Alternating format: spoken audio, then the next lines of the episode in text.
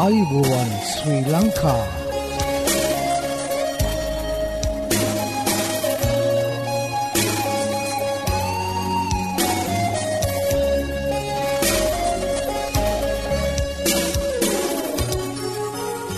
ඔබට සුපදවස මේ ඇඩවෙන්ටිස් වර්ල් රේඩියෝ බලාපොරොත්වය හඬයි.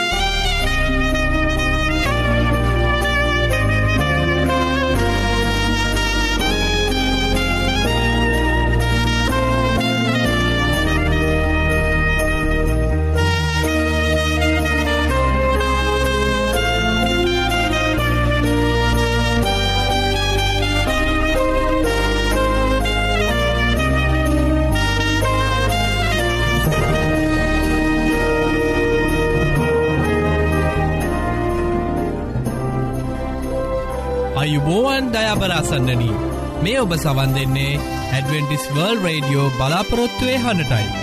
මෙම වැඩසටන ඔබහට ගෙනෙන්නේ ශ්‍රී ලංකා 7ඩේ ඇඩවෙන්ටිස්ට් කිතුුණු සභාව විසින් බව අපි මතක් කරන්න කැමති.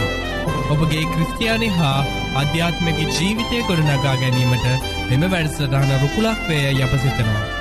ඉතින් රැදි සිටින්න අප සමඟ මේ බලාපොරොත්තුවේ හඬයි.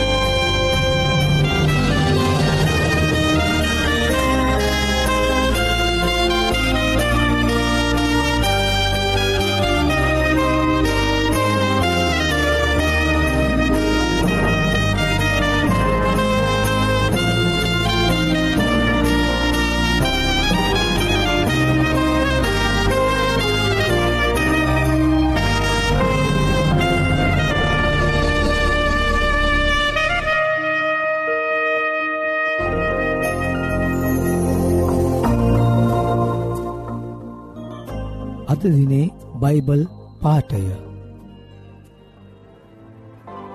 හිතෝපදේශ දොළොස්වන පරිච්චේදේ පළමුුණ පදය. අවවාදයට ප්‍රේම කරන්නා දැනගැන්මට ප්‍රේම කරන්නේ. එහෙත් තරවටුවට දවේශ කරන්නා මෝඩේක්‍ය.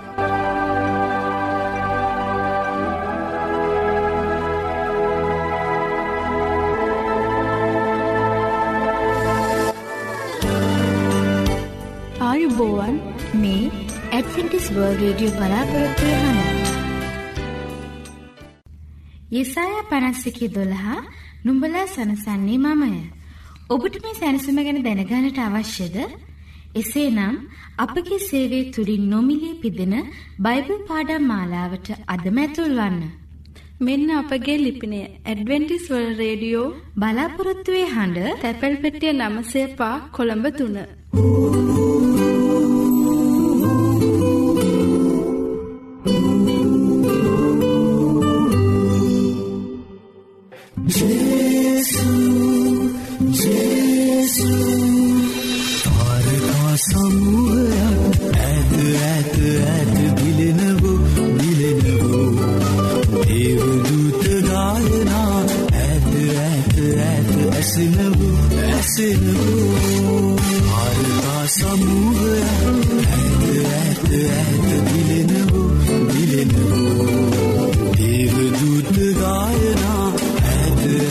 ඇත ඇත ඇසෙනවෝ ඇසෙනවෝ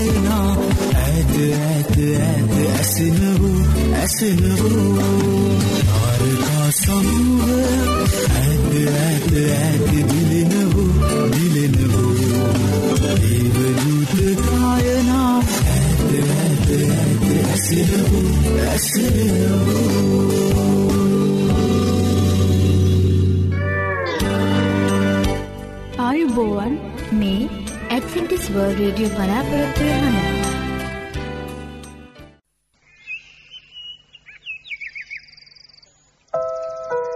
දයාපරාසන්නනි මෙම වැඩසටහන තුළින් ඔබ ලබනා සැනසිල් සුවය තවත් කෙනෙකු සමඟ බෙදා ගන්නවට අප කැමැත්තෙමු. අපගේ මෙම විකාශයට සවන් දෙන පිණිස ඔබගේ මිතුරු මිතුරියන්ටත් ඇරයුම් කරන්න. ඒ වගේම ඔබ මෙම වැඩසටහන් පිළිබඳව දරන මත හා අදහස් අපට ලියා එවන්න.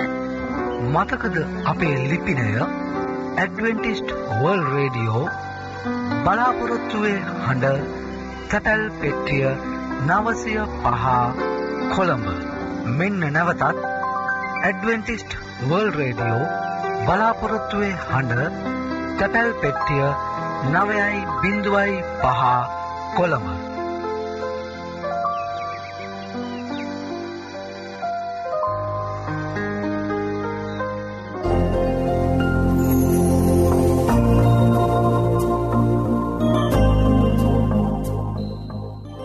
ඉතින් හිතවත හිතවතිය දැන් ඔබට ආරාධනා කරනවා අපහා එකතු වෙන්න කියලා අද දවසේ ධර්ම දේශනාවට සවන් දෙන්න.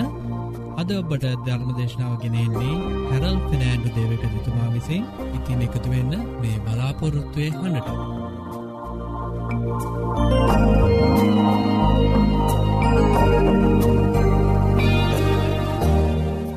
මාගේ ආදරණීය දියණිය පුතනුව මේ ජීවත් වෙන ලෝකය තුළ ඔබ ඉතාමත්ම බුද්ධිමත් පුද්ගලයෙක් වෙන්නට පුළුවන්. ඒ වගේම ලෝකෙ ඕනම තැනක සිද්ධ වෙන්න වූ දෙයක් ඔබට තත්පර ගණනකින් දැනගන්නවා විතරක් නොවෙයි දැකගන්නටත් පුළුවන් වෙන විද්‍යා තාක්ෂණයක් තමයි අද තිබෙන්නේ. දැම් මේ විද්‍යා තාක්ෂණය මෙච්චර දියුණු වෙලා තිබෙද්දීත් දෙවියන් වහන්සේ ගැන කතහ කරද්දී. ඔබට කුමක්ද හිතෙන්නේ. ඔබට විශ්වාසයක් ඇත්වෙනවද අවිශ්වාස සහගත තත්ත්වයක් උදාවෙනවාද. සාමාන්‍යයෙන් පොදුදය නම් අවිශ්වාසයක් දැනෙන එකයි. මෙන මේ නිසා මම අද ඔබට කතා කරන්න යන්නේ. ඔබගේ සිතට දෙවියන් වහන්සේ ගැන අවිශ්වාසය දැනෙද්දේ කුමක්ද ඔබ කළ යුත්තේ කියන එක ගැනයි. අපි දෙවියන් වහන්සේ ගැන කතහ කිරීමේදී අනිකුත් මාතෘකා හා තේමා යටතේ කතා කරනවාට වඩා පරිස්සමෙන් යාඥාවෙන් යුක්තවම කතහ කළ යුතුයි. මොකද කිව්වොත් සාතන් විසින් ලෞකික ලෝකයේ තෘෂ්ණා සහ මාංෂික වූ තෘෂ්ණා අප සිත තුළට ඇතුල් කරන්නට ගොඩක් උත්සාහ කරන නිසයි. සාතන්ට අවශ්‍ය වන්නේ දෙවියන් වහන්සේ තුළ තබන විශ්වාසයෙන් ඇදහිල්ලෙන් මනුෂ්‍ය ජාතියවම ඈත් කර තබන්නටයි. ඒ මනුෂ්‍යයා දෙවියන් වහන්සේගේ දරුවෙක් වනවා දැකීමට අකමැතිවා සේම ලෞකිකත්වයේ මාංෂික තෘෂ්ණත්වයෙන් දරුවෙක් වී දෙවියන් වහන්සේව අත්හැර සාතන්ගේ දරුවෙක් වෙනවා දකින්නට ආසනිසයි. එය සදා කාලිකවම විනාශ්‍යයට යාමේ මාර්ගයයි. ඒ නිසා අපි දෙවියන් වහන්සේ ගැන ඉතාමත්ම ගෞරවයෙන් යුක්තව. නමස්කාර පූර්වයෙන් යුක්තව දේව වචනය තුළින් මේ පිළිබඳව විමසා බලමු. මාක් සුභාරංචිය කොළොස්සන පරිච්චේදය විසි දෙවැනි පදේදං විසි හතරවනි පදය දක්වා මෙන්න මෙහෙම ඔබට පවසනවා. ජේසුස් ක්‍රිස්තුස් වහන්සේ ඔවුන්ට උත්තර දෙමින් දෙවියන් වහන්සේ කෙරෙහි ඇදහිල්ල ඇතිව සිටපල්ලා. සැබවක් සැබවක් කියමි. කවරෙක් නමුත් මේ කන්දට කතහා කොට. ඉදිරි මුහුදේ වැටියන්නැයි කියා තමාගේ සිතෙන් සැක නොකොට තමා කියනදේ සිදුවන්නේ යයි ඒක ඔවුන්ට සිදුවන්නේය.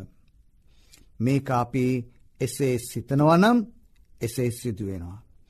එබැවින් නුඹලාට කියමි. නුඹලා යාඥාකොට ඉල්ලෙන මොන දෙයක්වත් ඒ සියල්ල නුබලාට ලැබුණේ යයි අදහපල්ලා ඒවා නුබලාට ලැබෙන්නේය. මෙතනදී ස්වාමින් වහන්සේ පවසන්නේ මාක්තුමා තුළින්. කන්දක් ඉදිරිලා වැටෙනව එකක් නෙවෙයි අපගේ ජීවිතයේ මොන්නම ප්‍රශ්නයක් තිබුණත් අපි ස්වාමින් වහන්සේ තුළ ඇදහිල්ලෙන් යුක්තව ඉල්ලනවා නම් දෙවියන් වහන්සේ තුළ ඉල්ලනවා නම් දෙවියන් වහන්සේව විශ්වාසයෙන් ඇදහිල්ලෙන් ඉල්ලනවා නම් අපට ඒක ලැබෙනවා. හැබැයි මෙතන එක දෙයක් කියනවා. නොඹලාට මෙන්න මේක කියනවා. යාඥාකොට ඉල්ලන මොන දෙයක්වත්. ඒ සියල්ල නොඹලට ලැබුණේ යයි අදහ පල්ලා.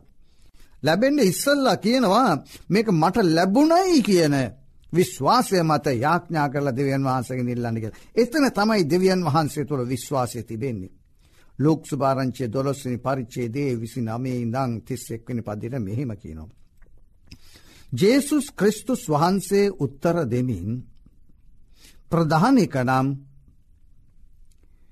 අහු ඊස්රායෙල් අසාපන්න. අපේ දෙවියන් වහන්සේ ස්වාමින් වහන්සේ. උන්වහන්සේ එකම දෙවියන් වහන්සේ. නොබේ මුළු හර්දයෙන්ද නොබේ මුළු ආත්මයෙන්ද නොබේ මුළු බුද්ධියෙන්ද නොබේ මුළු ශක්තියෙන්ද නොබේ දෙවි වූ ස්වාමින් වහන්සේට ප්‍රේම කරන්න යන එකය. දෙවිනි එකනම්. නුඹට මෙන් නොබේ අසල් වැසියාට ප්‍රේම කරපන්න යනුයි. මේවාට වඩා උතුම් වූ අන් කිසි ආඥාවක් නැතැයි කීසේක. බලන්න මෙතනෙදි කියන්න මොකක්ද නුඹේ මුළු බුද්ධියෙන් මුළු ආත්මයෙන් මුළු ශක්තියෙන් දෙවියන් වහන්සේට ප්‍රේම කරන්න ඊට පස්සේ කියනවා. නුඹට මෙන් නුඹේ අසල් වැසයාට ප්‍රේම කරන්න ඔබ ඔබට කොතර මාදරයද ඒ වගේම අසල් වැසයටත් ආදරය කරන්න කියනවා. රෝම හතරේ විසිවෙනි පදෙසා විසි එක්වෙනි පදය මෙහෙම කියනවා. එසේය දෙවියන් වහන්සේගේ පොරොන්දුව දෙස බලා. මොකදද කියන්නේ දෙවියන් වහන්සේගේ පොරොන්දුව දෙස බලා. ඇදහිල්ලෙන් බලවත්ව. දෙවියන් වහන්සේට ගෞරව කරමින්. පොරොන්දු වූදේ ඉෂ්ට කරංච උන්වහන්සේට පුළුවන්ය කියා නිස්සැක්කව විශ්වාස කළේය කියලා. අන සුදු පවුලතුම ලස්සන කොටසක් එතන කියන්නේ. දෙවන් වහන්සේක පොරොන්දුව දෙස බලා ඇදහිල්ලෙන් බලවත්ව. දෙවියන් වහන්සට ගෞරව කරමින් පොරොන්ද වූදේ ඉෂ්ට කරන්ට උන්වහන්සේට පුළුවන්ය කියා නිස්සැක්කව විශ්වාස කළොත් ඔබට ඒදේ ලැබෙනවා. මෙන්න දෙවියන් වහන්සේගේ පොරොන්දු. දෙවියන් වහන්සේ කියනවා කිසිම නිස්සැක්කකමත් තබාගණ්ඩ පයි කියලා. අපි උන්වහන්සේව විශ්වාස කළ යුතුයි. එක තෙස්ලෝනික පහේ විසි හතර කියනවා. නුම්බලා කැඳවන තැනන් වහන්සේ විශ්වාසව සිටින සේක. උන්වහන්සේ ඒක ඉෂ්ටද කරන සේක. ඒ දෙවියන් වහන්සේ ඔබව විශ්වාසව කරනවා. ඔබ තුළ විශ්වාසයක් තබල තිබෙනවා. ඔබ උන්වහන්සේ තුළ විශ්වාසයක් තබල තිබෙනවාද. ඔබ උන්වහන්සේට විශ්වාසවන්තව ජීවත්වෙනවාද. මෙන්න මෙතනයි ප්‍රශ්න තිබෙන්නේ. ඒ නිසා මගේ ප්‍රිය දියනය පුතනුව. දෙවියන් වහන්සේව අවිශ්වාස කරන්න එපා. උන්වහන්සේ තුළ ඇදහිල්ලෙන් යුක්තව උන්වහන්සේ තුළ විශ්වාසයෙන් යුක්තව ජීවත්වන්න ඔබගේ ජීවිතය සාර්ථක වෙනවා. එක තෙස්ලෝනික පහේ විසිහතර එසේ කියද්දී. යෙසායා කියන මෙන්න මෙහෙම යෙසාය හතල් සයි දහය සහයකුලා. මම වනාහි අන්තිමයේ මුලපටන්ද තවම සිද්ධ නූන දේද. පුරාණයේ පටන්ද දන්වන්නා වූ මාගේ මන්ත්‍රණ පවත්නය කියාත් මාගේ මුළු කැමැත්ත ඉෂ්ට කරන්න මෙයි කියාත් කියන්නා වූ තැනන් වහන්සේය. මම නැගෙනහිරෙන් ගිජු පක්ෂයෙක්ද දුරදේශයකින් මාගේ මන්ත්‍රණයේ මනුෂ්‍යාද කැඳවා ගන්න තැනන් වහන්සේය. එස්සේය. මම කියා තිබෙන්නාක් මෙන්ම ඒක පමුණුවන්නෙමි. මම යෝජනා කර තිබෙන්නාක් මෙන්ම ඒක කරන්නෙමි. එසේනම් මේ සර්ව බලධාරි වූ දෙවිපාණන් වහන්සේව ඔබ විශ්වාස නොකර සිටින්නේ නම් මහත්ම මහත් මෝඩකමත් තමයි ඔබගේ ජීවිතය තුළ. එනිසා දෙවියන් වහන්සේව විශ්වාස කරන්න. ජෙසුස් වහන්සේව විශ්වාස කරන්න. මේ විශ්වාසයෙන් පිටතට එක මොහොතක්වත් යන්නට එපා.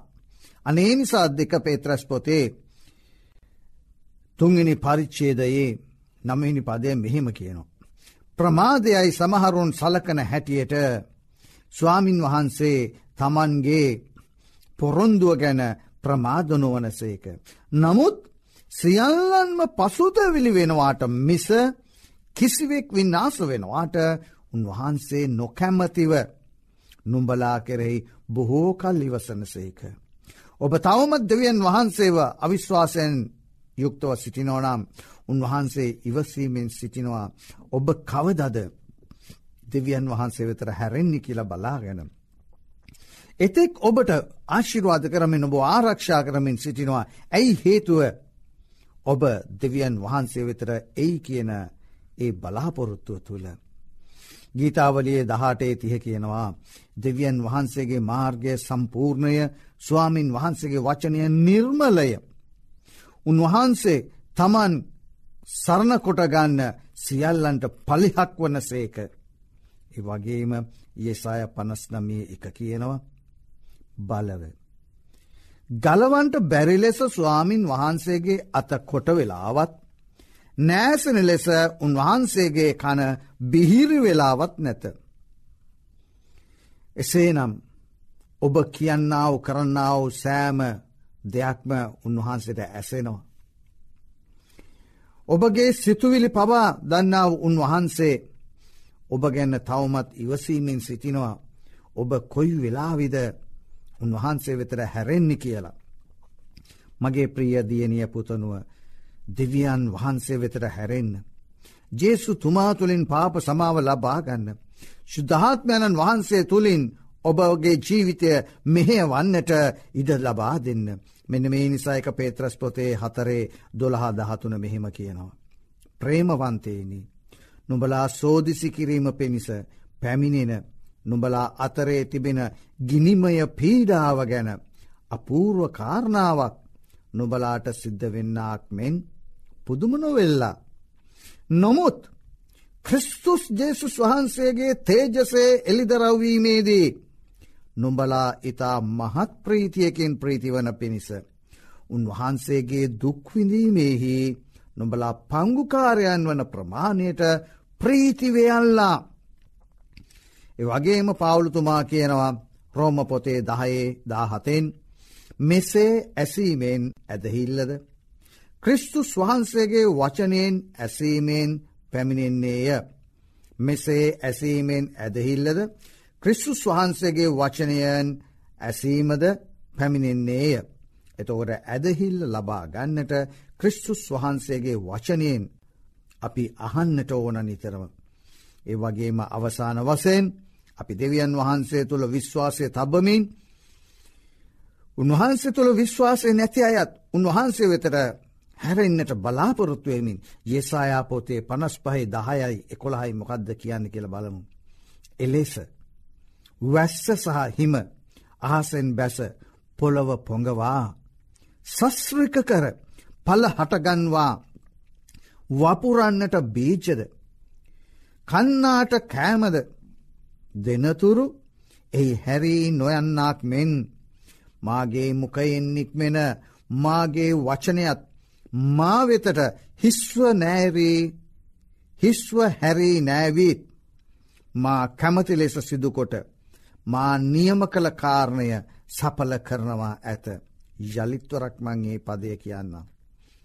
එලෙස වැස්ස සහ හිම ආසෙන් බැස පොළොවට පොඟවා සස්්‍රික කළ පල හටගන්වා වපුරන්නට බීජද කන්නාට කෑමද දෙනතුරු.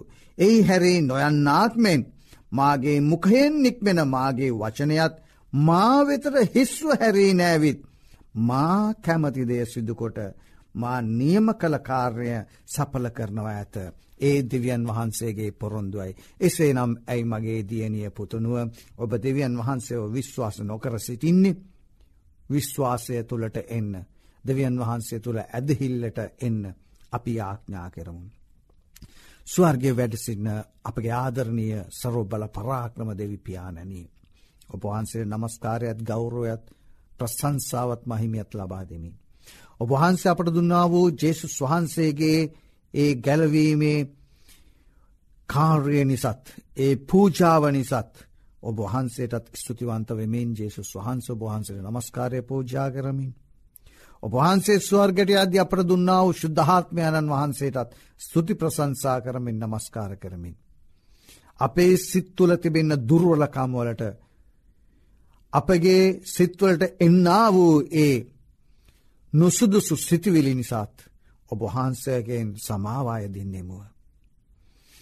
අප තුළ තිබෙන්න්න වූ ඇදහිල්ල මදකම්බ නිසා අපට සමාවී. ඇදහිල්ල තුළ ශක්තිමත්වයමින්. ඔබ වහන්සේ තුළ විශ්වාසයෙන් යුක්තව ජීවත් වන්නට ඔබ වහන්සක පොරොන්දු අල්ලාගෙන ජීවත් වන්නට ශුද්ධාත්මයන්නනේ අපට බුද්ධිය ඥානය ලබාදුන මැනව. මේ ඉල්ලා සිටින්නේ. අප වෙනුවෙන් ජීවිතය පූච්චා කර අපට පාප සමාව ලබාදුන්නා වූ අපගේ ප්‍රේමිය නමැති ජේසුස් ක්‍රිස්තුස් වහන්සේගේ නාමෙන්ය ආමේන්. ආයුබෝවන් මේ ඇත්ටිස් වර්ල් රඩිය බලාපොරොත්වය හනවා.